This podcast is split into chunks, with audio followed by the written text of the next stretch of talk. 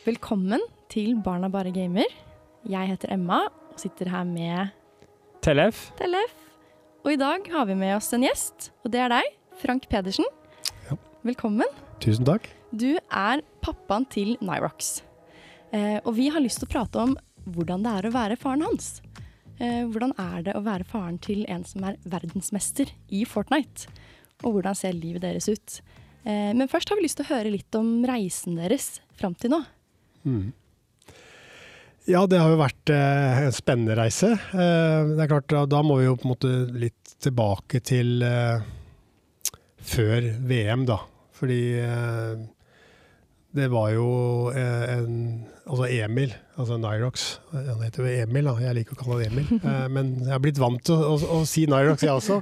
Vi kaller han Emil. Ja, vi kaller han Emil. Ja. så, så det er klart at da altså, Emil har alltid eh, engasjert seg i spill, alle typer spill. Eh, men han var jo eh, en gutt som spilte fotball. Eh, og var faktisk veldig god på twin-tip på alpint. Eh, men så etter hvert så, så ble han mer og mer interessert i, i gaming, da, eller spill. Alle typer spill, egentlig. Mm. Uh, og broren hans uh, introduserte han for Fortnite når det kom, veldig tidlig. Uh, og han satte seg ned, og mest for gøy. og så tok det mer og mer tid. og han satt mer og mer og slutta fotball, og var ikke så veldig opptatt av å gå i bakken på vinteren og sånn. Og da ble vi jo litt bekymra, da. og det er, som, det er jo alle foreldrene har jo det, har vi opplevd, at alle foreldrene de de på en måte, Nå må du komme deg ut i frisk luft, nå må du gå på fotballtrening eller håndballtrening eller, eller skitrening. Eh, så han gama veldig, veldig mye. Eh, og vi oppdaga at eh, han hadde gått og lagt seg, trodde vi. Men når vi hørte skrik og hoi fra eh, rommet klokka tre om natta, så var, hadde jo ikke han lagt seg. Så det, det, er den Starta det med det. Og så, og så meldte han seg på en konkurranse på Lillestrøm uten at vi visste det. Uh, og plutselig sa at jeg skal til Lillestrøm og spille en turnering i Fortnite. Uh, og da ble vi jo kjempeskeptiske. Fordi at der var det, og så slippe han, Da var han uh, 15 år. Kan ikke slippe han aleine til Lillestrøm liksom på en sånn spillekspo og, og LAN-turnering og sånne ting. vi visste ikke hva LAN var, da, for øvrig, når, når det var. Men der vant han. Hm. Og, da, og så var det da et, et, et fransk lag som var der og ville signe han til organisasjonen sin. Og da begynte, jo, liksom, da begynte, jeg å tenke hva er dette her for noe? Og da, da begynte jeg å sette meg ned og, og, se på Emil spille, rett og slett. Det hadde jeg ikke gjort før. Se hva er, det, hva er dette for noe? Hva er Fortnite? Hva er det som skjer? Eh, og så mm, begynte jeg da å, å lære litt om spillet, da. Eh, så det, det, var utgangspunktet eh, for det. Og så var det en ny turnering. Der ble nummer to. Han ble med i dette franske laget. Og så ble i hvert fall jeg veldig godt kjent med, med, spillet, og så begynte jeg å stille litt spørsmål. Gi litt oppmerksomhet. Og da kom dialogen. Da unngikk vi det der at han ikke kom til middag fordi han spilte, eller han ikke holdt tida. Han var trøtt om morgenen han skulle på skolen. Da lagde vi etter hvert sånn gradvis sånn enkle husregler, da. Enkle kjøreregler på ikke bare vi som foreldres premisser, men også på Emils premisser. Så ble vi liksom litt enige om noen enkle greier, og da gikk ting så mye, mye bedre. Og så har vi tatt det derfra. Og så smalt det jo da i juli 2019 i New York. Da mhm. ble det jo en ny, en ny hverdag etter det. Ja. Men det høres som dette har gått ganske fort. For det var, du sier, det var 15 år han var eh, da han var i Lillestrøm. Mm. Og så var han 16 da han vant verdensmesterskap. Mm. Klarte dere å henge med på dette? Nei, og det har jo vært utfordringen, da. Um, fordi det er gått så lydkjapt. Men det gjør det jo gaming. Der går det jo fort. uh, og den teknologiske utviklingen går fort. Så, måte, men det, å omstille seg, det har vært en utfordring for Emil spesielt. Nå er jo min bakgrunn litt sånn at jeg har litt erfaring med sånne ting, jeg, siden jeg kommer fra idretten sjøl og jobber med det til daglig. Så jeg hadde eh, veldig mye klart for meg i mitt hode hvert fall, hvordan vi skulle takle denne hverdagen. Men Emil var jo ikke der. Eh, altså, eh, det, det, det, var jo så altså Etter han vant VM, så var jo alle verdens medier retta mot Emil. Det var, det var megasvært. Mm. Det var BBC, det var NBC, det var amerikanske TV-stasjoner, det var selvfølgelig norske. Eh, og de kontakta meg fordi han var 16 år, ikke sant. Eh, og jeg måtte jo slå av min mobil. Eh, og det var masse hendelser, og også enormt trøkk på Emil rett etterpå. Mm. Og det, det har vært utfordrende for Emil å takle. Eh, men, eh, og det har gått seg til, da. Men vi, vi var nok litt for heite i starten og var med på litt for mye, fordi Emil fulgte ikke helt med. Han var ikke moden nok til å takle det helt. Men han klarte det superbra. Men, men eh, vi har jobba bevisst med det, den biten av det. Samtidig som vi måtte ta- ivareta fokuset på det idrettslige, da, altså sportslige, som har vært vårt fokus hele tiden. Mm. For det er, han driver toppidrett. Eh, og det sportslige fokuset er han veldig opptatt av. Han skal ha det gøy, men han skal vinne. Mm. Fordi der sier du noe veldig spennende. Han driver toppidrett. Eh, men? I Norge så er vi vant til toppidrett. Det, jeg tror tro for mange så er det kanskje langrenn eller uh, slalåm. Og der har vi jo eh, etablerte organisasjoner for dette. ikke sant? Hvis du liker å gå på ski når du er liten etter at du har blitt født med ski på bena, så er det allerede systemer for dette. Men hvordan er det i e-sport? Er, er det noen systemer for det, og hvordan har dere da gått fram for å, å hjelpe ham på veien i å bli en toppidrettsstjerne eh, innen e-sport? Altså, det finnes jo ikke noe godt rammeverk for det der, eh, for gamere. Eh, og der, siden jeg jobber med idrett daglig og har den erfaringen, så prøvde jeg å, å, implementere det i Emils hverdag. Men han forsto jo ikke det med en gang. Men jeg vet akkurat hva som skal til for at en toppidrettsutøver skal på en måte ha riktig fokus og, og, og prestere. Eh, eh, så det, det er noe sånn nybrottsarbeid og sånne ting. Og så er det klart at eh, det finnes de profesjonelle organene, altså organisasjonene, sånn som Emil er med nå i Zero Zero Nation, så har jo de et opplegg. Der er det godt rammeverk i forhold til eh, selvfølgelig spillingen, treningen, men også fysisk trening, kosthold, ernæring, søvn. Eh, og mentaltrening. Eh, men det som er gledelig å se etter hvert eh, som har kommet opp og Det er jo mange som sier at måte, Emil åpna noen dører for e-sport i Norge ved å vinne VM. Da ble det mer oppmerksomhet rundt det. Eh, og det som er gledelig, er jo at mange idrettslag har starta undergrupper med e-sport i sitt idrettslag. Og i sommer for eksempel, så var jo Emil og jeg på en sånn turné på flere idrettslag, hvor det var e-sportgrupper. Og der har de jo selvfølgelig spill, som er hovedfokuset, men de har lagt til elementer med fysisk trening og, og kost og ernæring. Da. Og da blander du egentlig litt sånn idrett, e-sport, inn i tradisjonell idrett. Så det, det er en positiv utvikling. Eh, men det er de som på en måte er idrettslag og den delen. Og så er det det at vanlige foreldre, da, som kanskje ikke har barn som driver med idrett eller lagidrett. Der er det fortsatt fordommer. Mm. Ja. Ja, for vi ser jo For en del av de som går på kurs hos oss, for eksempel, så er det, jo, er det jo sånn at de kanskje sitter på et sted hvor det eneste som fins eh, i eh, hjemstedet deres, er fotball. Og så er de veldig interessert i e-sport og ønsker å være en del av det. Eh, har du noen tips til liksom, hvordan kan foreldre involvere seg? Jeg har jo sett på eh, gamerne på NRK, eh, hvor man ser litt hvordan du involverer deg i Emil sin spilling. Eh, du nevnte jo det at i starten så var dere ikke så involvert. Kunne du fortalt litt mer om den? Hvordan involvere seg, hvordan ta del i det, og hvordan liksom lære om det barna interesserer seg for da, innenfor e-sport? Altså, vi så jo da at Emil var veldig motivert og hadde det gøy. Eh, Det var noe som inspirerte han. Eh, Og, og, og når et barn på en måte vi ser at han får energi av det, eh, så må vi undersøke litt. Dette er min holdning i hvert fall. Det, må, det er som Emil sjøl sier at eh, når han ikke kommer til middag eller ikke kom til middag, eh, så sier han at pappa, hvis du hadde vært med meg på fotballkamp, Mm. Og vi har avtalt eh, middag på et klokkeslett, men så er det da midt i annen omgang. Du, du roper ikke meg på banen og sier at nå må du komme hjem til middag. Nei. Det samme med et game. Det varer i 20-25 minutter i Fortnite. Mm. Og da, da vet vi at eh, da kan vi ikke ha middag akkurat midt i gamet. Da må man fullføre det, og så kan man komme til middag.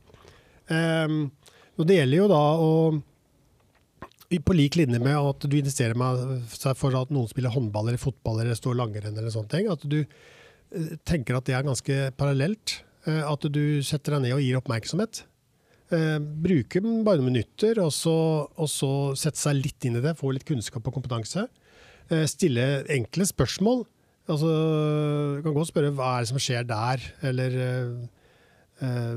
hvorfor bruker du Bygger du sånn? Altså, nå snakker jeg om Fortnite. Og så sakte, men sikkert få litt kunnskap for å gjøre- at du kan stille et spørsmål som ikke er kleint, da, for å kalle det. Fordi at det, det, dumme spørsmål det, til en 15-16-åring, da, da gidder de ikke å svare. Men hvis du stiller et litt sånn litt sånt uh, eh, intelligent spørsmål da, om spillet, så skjønner de at nå begynner, få, nå begynner jeg å skjønne ting. Mm. Og da kan du skape dialogen. Og hvis du har den gode dialogen, så klarer du å lage noen enkle kjøreregler. Og så, uh, hvis barna ungdommene føler at foreldrene er interessert, så blir det litt kult for dem òg, da. Å vise fram. Eh, se her, jeg spiller, jeg gjør det og det og det. Og da kan man spørre etterpå hvordan gikk gamet? Hvordan gikk turneringen? Hvordan gikk det å spille med han fra eh, Frankrike eller England? For det er jo disse her blir vi jo, får jo venner over hele verden. Mm. Eh, ut, selv om ikke de har sett hverandre. Altså, når Emil eh, drar på turneringer, eh, f.eks. til VM-finalen i New York, så var det jo mange han aldri hadde møtt. Men det var som om de hadde vært venner fra barndommen av når de møttes. Fordi de har snakka på Discord og på, Ja. på, i, i in game. da. Fantastisk. Ja, men hvordan er dette e-sportsamfunnet? Jeg opplever det som veldig inkluderende eh, sosialt. Eh, de tar vare på hverandre. Eh, I hvert fall i profesjonelle miljøet som jeg vel tilhører, så er de veldig til å omsorg, omtanke. Er det en som har litt sånn dårlig dag eller noe trøbbel eh, med et eller annet, så, så hegner de veldig om personen. Det har jo vært noen eksempler hvor f.eks. For foreldrene har dårlig råd, eh, og kanskje ikke har eh, råd til å betale husleia. Eh, Det er et eksempel. Og da var det faktisk eh, miljøet som starta innsamling for å hjelpe familien. Så de er, eh, de er veldig sånn omsorgsfulle og hyggelige med hverandre. Uh, I hvert fall i det miljøet Emil er i, og, og de hjelper hverandre. Det står jo ganske i kontrast til de holdningene eh, og tankene vi kanskje hører om gaming og e-sport. Em, hva tenker du vi kan gjøre for å endre de fordommene som finnes mot gaming? Jeg tror, altså, vi har vært veldig opptatt av eh, nettopp den med fordommer og, og fortelle om at eh, e-sport eller gaming er positivt. Eh, fordi det er jo ikke bare selve spillinga, det er, liksom, det er så mye ting som følger med. Eh, og det er jo språk er jo åpenbart, at man lærer mye språk. Altså Emil er jo fantastisk i engelsk. Eh, og fikk jo toppkarakter der på skolen. Eh, og så er det mye kommunikasjon, strategi, taktikk. Eh, som på en måte Det å ha samarbeidsevner som kommer veldig godt med i skole og i arbeidsliv. Så de må, må, må prøve å snakke om at det er så mye positivt som fører med seg når man gamer, og man møter andre uh, ungdommer da, i verden. Og så er det sånn at uh, jeg har hørt eksempler jeg, hvor, uh, hvor Emil hadde kontakt med en som hadde en sånn eksamen på religion, som et eksempel. Så sier kompisen Demil Emil jeg, jeg må lese meg på religion. Ja, men kan du ikke bare kontakte han i India, og, og, og, for det var hinduismen, da. Kan du ikke da game han i India og spørre litt om hinduismen? Og så gjorde han det. Og da satt de og gama og hadde det gøy, og så snakka de om Så fikk han litt sånn innspill på hinduisme. altså de kan benytte alle de kanalene til å få kunnskap på alle andre områder, for, områder. fordi at når de sitter og chiller og, og bare har det gøy, så snakker de om alt mulig. Og da blir de kjent hverandre på en helt annen måte. Men Du nevnte jo dette med skolen, og det er vi ganske nysgjerrige på. Hvordan har det vært med skolen oppi alt dette? Det har jo vært utfordrende. Altså i, I starten så har jo Emil gått på normal skole, eh, og når han var 15-16 så gikk han jo fulltid. Eh, og da satt han jo oppe på natta og var uopplagt på dagen på skolen. eh, og var ikke så veldig motivert egentlig for det, for det var Fortnite og gaming som var hovedfokuset. Men så på våren, før VM i 2019, så, så kontakta vi skolen og spurte om det var mulig å få en tilrettelagt skolehverdag. For da var han på, vi så at han var på et ganske høyt nivå. da. Eh, og hadde vunnet noen turneringer og sånne ting. Eh, og da fikk vi veldig positiv tilbakemelding fra skolen at ja, det skal vi fikse. Så hadde vi et møte, Emil, jeg og eh, skolens ledelse. Og så fant vi ut av hvilke fag han skulle ta for å fullføre videregående. Og den reisa starta da eh, egentlig høsten 2019, eh, etter VM da, men da hadde vi lagt grunnlaget vi har hatt i Ågen på våren 2019. Og så hadde han tilrettelagt skolehverdag, for det mange av de kompisene til Emil og Emil sjøl hadde jo vurdering om å droppe ut av skolen, og mange av kompisene hans har gjort det. Men Emil bestemte seg veldig tidlig sjøl for at nei, han vil ikke droppe ut, fordi jeg kommer ikke til å game til jeg er 50, og jeg må ha en plan B. Så han ville fullføre, men, men vi merka med en gang når han slapp å gå på skolen hver dag, eller ha færre timer i uka, så ble energinivået hans bedre. Han presterte bedre i spillet eh, i Fortnite, og han fikk bedre karakterer. Mm. Så det var den fasen. Og så nå er han jo ferdig med, med videregående, så nå er han jo gjennomført. Eh, Så nå er jo han brått kommet i arbeidslivet. Mens kompisen og vennene hans fortsatt har gått videre til universitet og høyskoler og er fortsatt studenter i fem-seks år til. Mens han, han er på jobb. Så det har vært tre faser, da. Eh, fulltids skole, anstrengende, eh, utfordrende. Tilrettelagt, eh, veldig bra. Samtidig som vi hadde balansen med at han klarte å spille, prestere bra, vant VM. Mm. og gjennomføre skolen, som var veldig viktig for oss som foreldre og for Emil.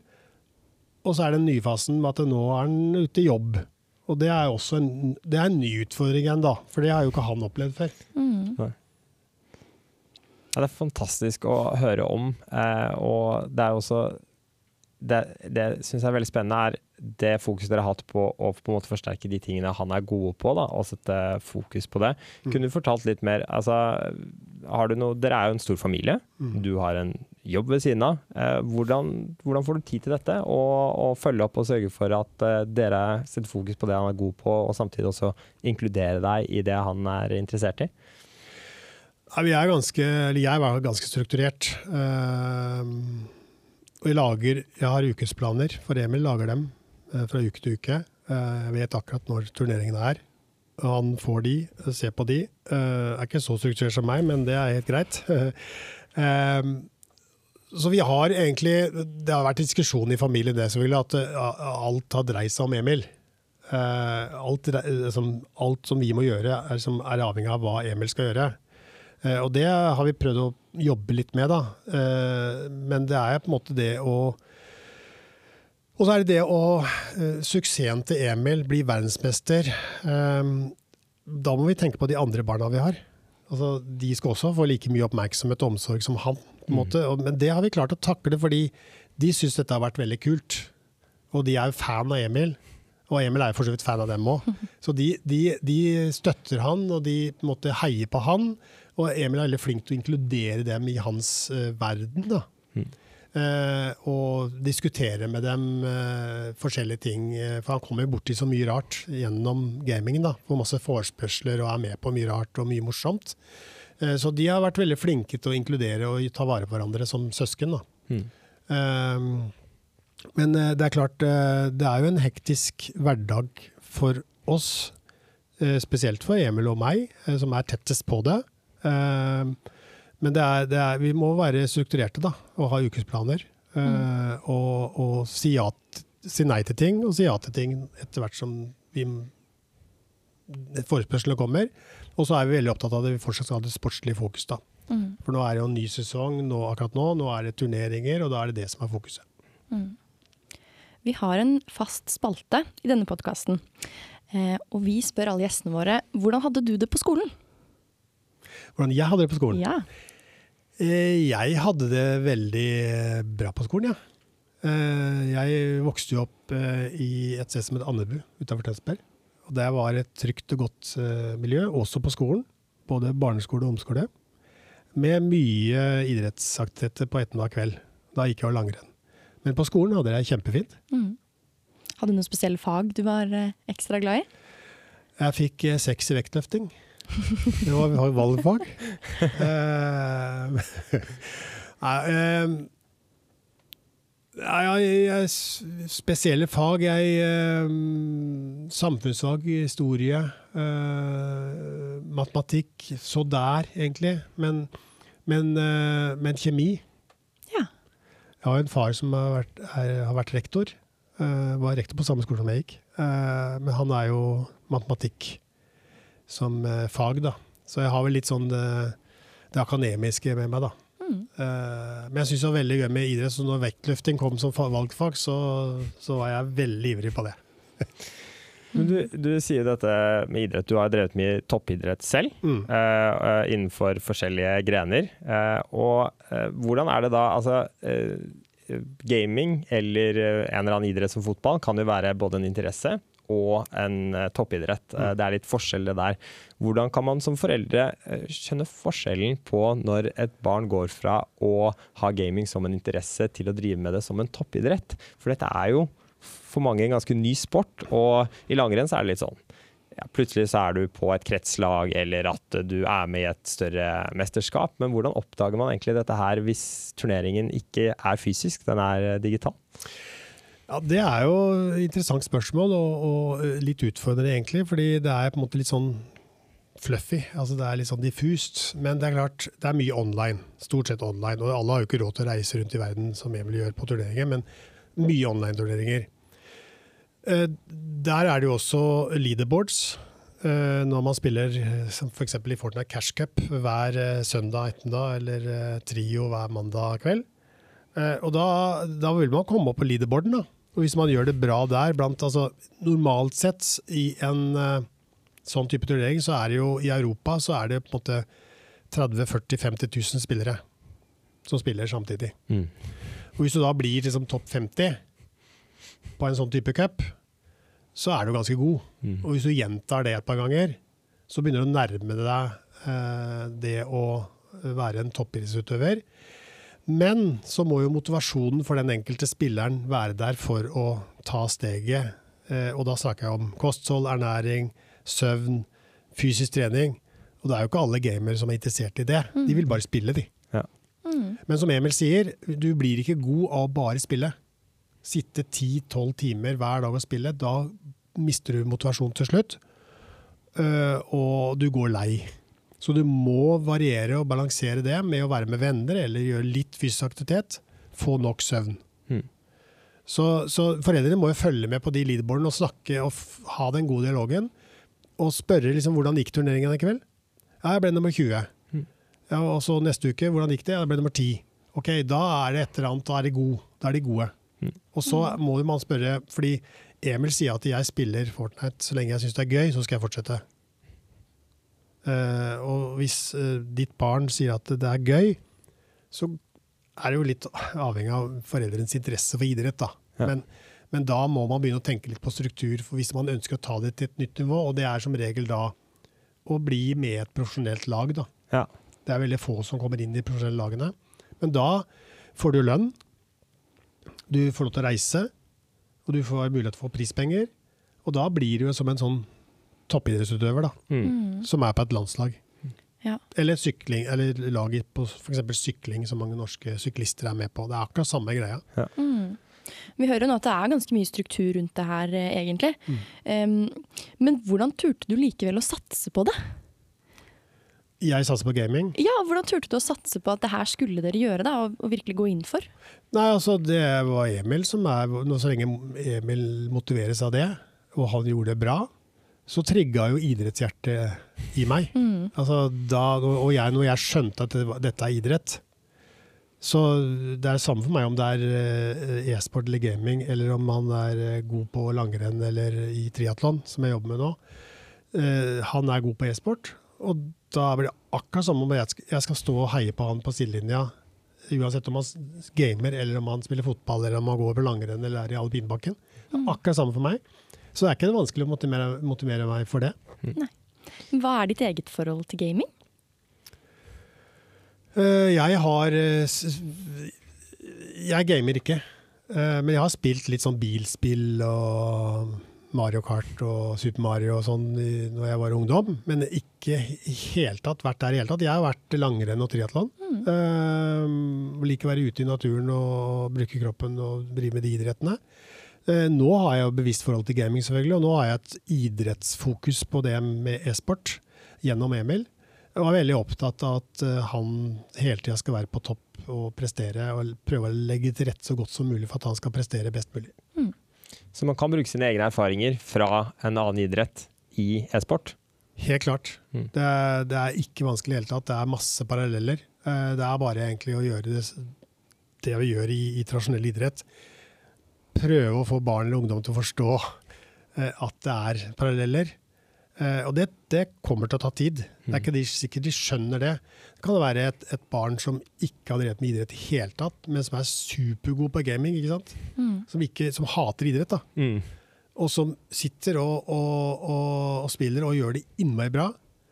Og det å få den, det barnet opp på et høyere nivå, da må man drive med fysisk trening, må aktivisere seg, må tenke på kostholdet og må tenke på søvn. Det er sikkert utfordrende å få en sånn person som ikke er interessert i idrett, til å tenke på det. Så her, her er det her kan jo, Hvis ikke foreldrene sjøl har interessen, så kan man prøve å søke hjelp. da. Spørre noen. Jeg får jo masse henvendelser fra foreldre som spør meg om eh, hvor lenge syns du at mitt barn skal spille Mm. om dagen. Og Det er ikke noe fasitsvar på det, men, men de er veldig søkende. da. Og veldig er, mange foreldre eh, vet ikke helt hvordan de skal takle det. Mm. Men kjente du selv på noen barrierer eh, da dette mm, satte i gang?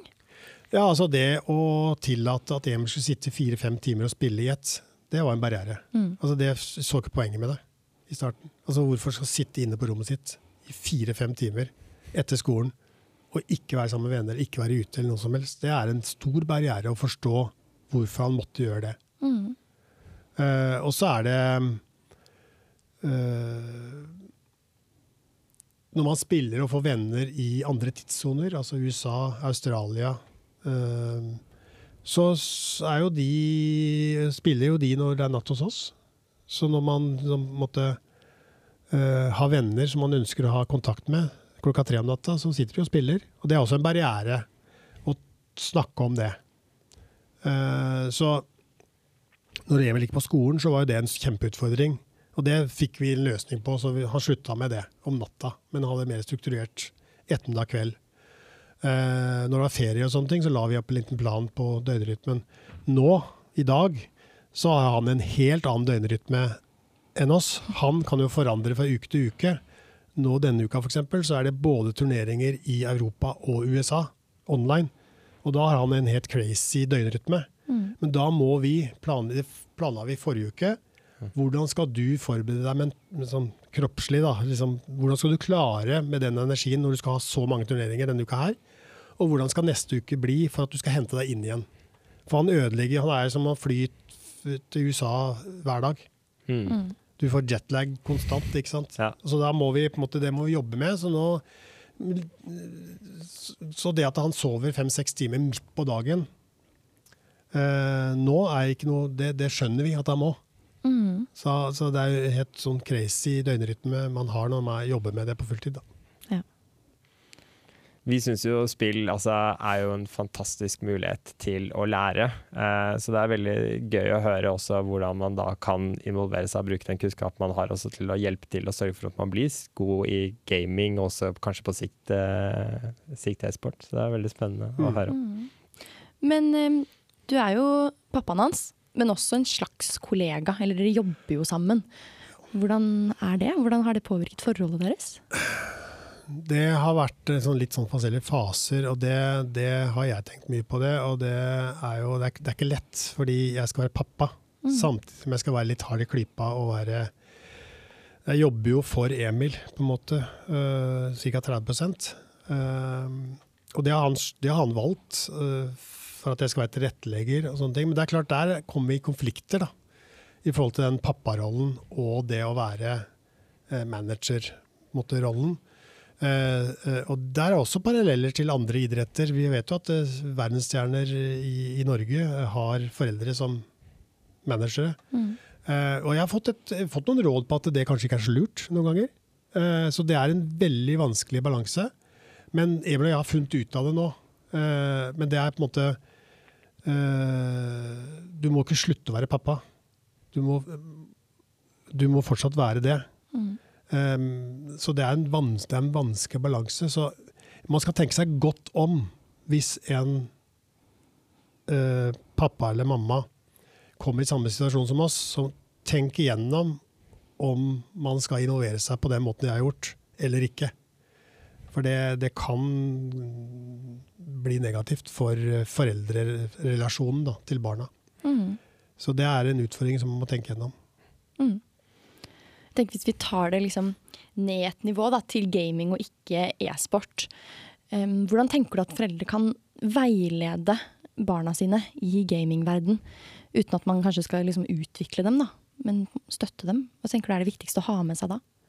Uh, jeg tror vi skal uh, akseptere at gaming har kommet, gaming har kommet for å bli, uh, og gi barna oppmerksomhet. Vise interesse, vise oppmerksomhet. Tillate dem å spille to-tre timer. Eller én dag, eller én time en annen dag. Det vil variere. Og, og så sette seg litt inn i hva de driver med, for så å skape en god dialog, og så lage noen enkle husregler. Mm. Eh, da er du kommet veldig langt. Og så akseptere at eh, så lenge de er motivert og, og, inspirert av det og lærer mye, så vil, det ikke, være, vil ikke skolehverdagen f.eks. være noe problem. For da har man en, en sunt, et sunt forhold til det, da, mm. på en måte. Eh, og så akseptere det at alle kan ikke spille håndball eller fotball eller gå på ski. Altså, ja, men jeg gamer. Ja, det er helt innafor. Det, det, er helt vanlig eh, at uh, man gamer, eh, og så må man finne nivå på det. Eh, og så ikke det tar av, da. Det, det er litt viktig å sette, sette, noen grenser, men litt på, på barnas premisser, da. Mm. Og skape den dialogen så de forstår at hvis du kommer hjem fra skolen og gamer til du skal legge deg, liksom, så er det ikke sikkert det er så bra. Nei. Er det vanskeligere å sette grenser nå som han er 19 år? Ja, det er klart. Når han ble 18 og sånn, så det jo, var jo det vanskeligere. på en Man bestemmer litt sjøl. Men nå, nå, er jo ikke det vanskeligere for Nå er det jobben hans. Så nå skjønner han det sjøl. Men jeg følger jo med. Jeg, jeg, må jo veilede han fortsatt. For han, måtte, han kan sitte måtte, for spille for mye, eller jeg må passe på at han får de ti timene søvn som han mm. trenger da, hvert døgn. Mm. Det, jeg har sagt til Emil at det, det er samme når du sover de ti, ti timene. Akkurat samme men du må ha rytmen mm. eh, underveis. Så, så, nå styrer han mye sjøl, men jeg passer på at han får spist frokost, spist tre måltider, eh, får godt nok med søvn osv. Men, eh, men det har jo vært utfordrende å sette de grensene. Og det har vært mye diskusjoner og krangling på det. Det har det vært. Men på Gamerne på NRK så ser man et herlig klipp hvor eh, du har fått nærmest en slags tilskuerbenk eh, på lik linje som man har på fotballbanen, men den er jo da inne på rommet til Emil. Ja. Um, kan du fortelle litt, Hvordan kom dere dit? Fordi jenterommet eller gutterommet det kan jo være et litt sånn hellig sted i hjemmet hvor liksom foreldre ikke har adgang. Hvordan kom du dit at du fikk eh, tilgang og kunne sitte der og følge med akkurat som man ville gjort på en fotballkamp? Ja, jeg har min egen stol, og sitter bak og ser på alle turneringer. Sitter tre-fire timer eh, når han er hjemme da, eh, og spiller. Eh, og reiser ut også eh, med han på turneringer eh, i verden. Men eh, nei, jeg tok bare tok meg til rette, jeg. Ja. fordi jeg hadde, tok det der approachen at jeg så det idrettssportslige i det, og så sa jeg at nå er det turnering. Jeg har lyst til å se om du vinner, og litt sånn, og så konkurranseelementet i det. da. Mm. Og det trigger jo Emil òg. Mm. og så stilte jeg spørsmål kan jeg få lov til å se et par games. Er det greit? Ja, ja, ja, ja, du skjønner jo ikke noe. Nei. Det var det første. Nei, nei, men det, jeg, ikke, nei, det, jeg skjønner ingenting, men jeg har bare lyst til å se. Ja. Og så, eh, og, og, og, da, gjennom det, da, at jeg gjorde mer og mer, så, så syns jo Emil det var Først så syntes han det var kjempekleint at jeg satt der. ja. uh, men nå, nå, er det helt vanlig. Altså, ja. nå, nå, roper han til og med 'Vil du se, eller?' Vil du komme, kommer du? Altså, når det er en turnering, da. Uh, og det er mange ganger nå, når, spesielt når det er soloturneringer, så vil han uh, ha meg litt som en sånn mental støtte. Mm. For da spiller du aleine, ikke sant. Mm. Og går det dårlig, så blir han litt sur og lei, og så kan jeg backe han opp litt og sånne ting. Og går det bra, så har han lyst til å skryte litt ikke sant? og si at vet du hva, så du det, eller? Så du hvor bra jeg spilte? Så, så, nå er det helt vanlig, men det er klart, i starten så forsto han ikke hvorfor jeg skulle sitte der og se på han en time. Mm. Så det har vært en reise, det òg, da. Men det er jo egentlig jeg, Igjen så blir jeg jo overrasket over hvor likt det er til sporter man er mer kjent med, da, sånn som fotballen. Hvor jeg husker faren min var med, han ville være med og se på, han ville være som trener. Jeg syns jo det også var kleint, men han ga seg jo ikke. Og til slutt så var jo det bare supert. da, At man må egentlig bare tørre å ta det samme steget her, da. Ja. Eh, som man gjør eh, på fotballbanen. Og hoppe inn på banen, selv om banen er flyttet til et litt annet sted enn det man eh, vanligvis er kjent med. da. Og så kan du tenke at eh, kanskje mange foreldre tenker at eh, men det interesserer meg ikke. Jeg har Nei null interesse for å se på en, en PC-skjerm. Men, men, ta deg den halvtimen, da. Ja. Ta deg den timen og sett deg ned og ta meg en kopp kaffe eller en brus eller en, en, et glass vann. Og så, ja, jeg trenger ikke å se på den der skjermen hele tida, men i hvert fall sitt der og se. Og kanskje gjennom det så ser du noe som du syns er litt fascinerende. da. Mm. Og så når du er ferdig, så kan du stille et sånt enkelt spørsmål som du så, som er kanskje et dumt spørsmål, men still det spørsmålet. Mm. Eh, så, så, invester litt tid mm. Eh, i det, selv om du ikke er interessert. Det mm. kan hende at du blir interessert i det ved å sitte og se litt. Jeg holdt på å si at Den der mentale støtten er jo litt som en sånn coachrolle, ja. men det er jo også en foreldrerolle. Mm. Det er det. Det er jo det man skal gjøre, kanskje. Det er det, ja, ja. Men um, gaming- eller e-sportkarrieren er jo som kjent uh, kort for mange. Uh, hva tenker Emil om det? Nei, altså, Han har jo sagt at jeg tror ikke jeg kommer til å game til jeg er 50, så jeg må ha en plan B. Det var derfor han fullførte videregående og tok det valget. Mm. Um, og det er mange som, måte, av kompisene hans som, som, ikke har gjort det bra i senere tid, som har droppa ut, og som nå har utfordringer med å komme tilbake til skolen. Mm. Han, har jo ikke den, altså, han er ferdig med videregående, er klar til å ta neste step på utdanningen når det skjer. Mm. Um, nei, altså det er jo øh, en kort karriere. Han blir jo pensjonist om noen år. Det er ikke lenge til. Eh, men eh, gaming og e-sport gir så mange muligheter eh, i forhold til den kompetansen han har erverva gjennom det han har vært med på, at han kan gjøre mye. Mm. Han kan vel utdanne seg til et eller annet, som han ser sikkert kommer til å gjøre. Men du kan fortsette e-sport ved å få andre roller.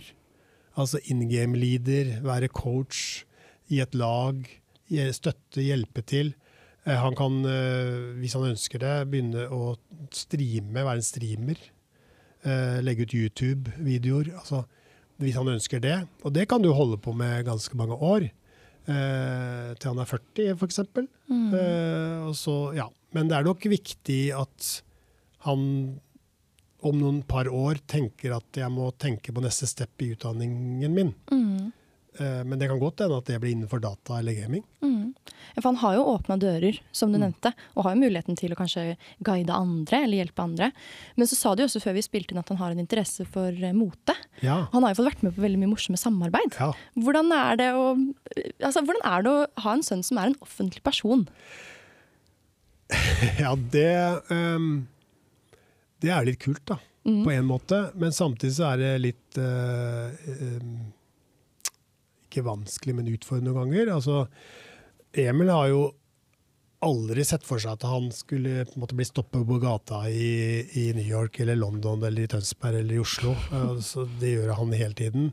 Eh, det å plutselig se på sosiale medier at det er tatt bilde av han hvor han sitter på en buss fra avstand. Det er sånn paparazzi-tendenser. Mm. Eh, det at folk kommer hjem til oss på døra, og ringer på og spør om de kan ta en selfie med Emil. Eh, folk kommer og tar bilde av huset hans, eller huset vårt, da. Eh, det, det, men eh, han, han syns det er litt slitsomt, men når, når, noen kommer bort til ham på gata og spør, så syns han det er veldig hyggelig. Mm. Um, så, så, det uh, Det har gått egentlig ganske greit. Når det gjelder mote, så er det, altså det er litt morsomt. Da, for han er jo alltid Før han begynte å spille Fortnite, så, uh, så, var han som en gutt som kjøpte klær på sånne dropp. Og så uh, brukte han det et par ganger, og så solgte han det. Så han drev business på det, ja. rett og slett. og den interessen har han fortsatt i forhold til mote. Han gjør ikke det der businessmessig nå, men han er ekstremt opptatt av fashion og mote. Uh, og det kan jo hende at det blir en karrierevei for han, for han har jo kreert sin egen kollisjon uh, for, i sommer. Mm. Var veldig interessert i det. Og så er han interessert i musikk. Og dermed så passer det med Zero Zero Nation, som er laget hans nå, veldig godt, for de har jo blanda gaming, fashion, lifestyle, kultur og, og musikk og fashion inn i samme organisasjon. Så den miksen passer jo Emil perfekt, og de har jo som mål for sine talenter eller spillere eller artister at de skal sørge for at de får en god plattform for videre karriere når de eventuelt den karrieren som de har nå, avsluttes. da. Mm. de ønsker å utdanne i anførsel, artistene sine og talentene sine til å kunne ta neste steg i arbeidslivet. Ja. Og Det er en veldig positiv ting. Og da har jo Emil mange veier å gå hvis han vil.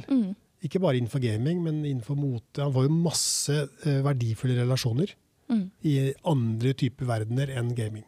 Mm. Han står jo ikke på bar bakke i det hele tatt. Nei. Det gjør han ikke.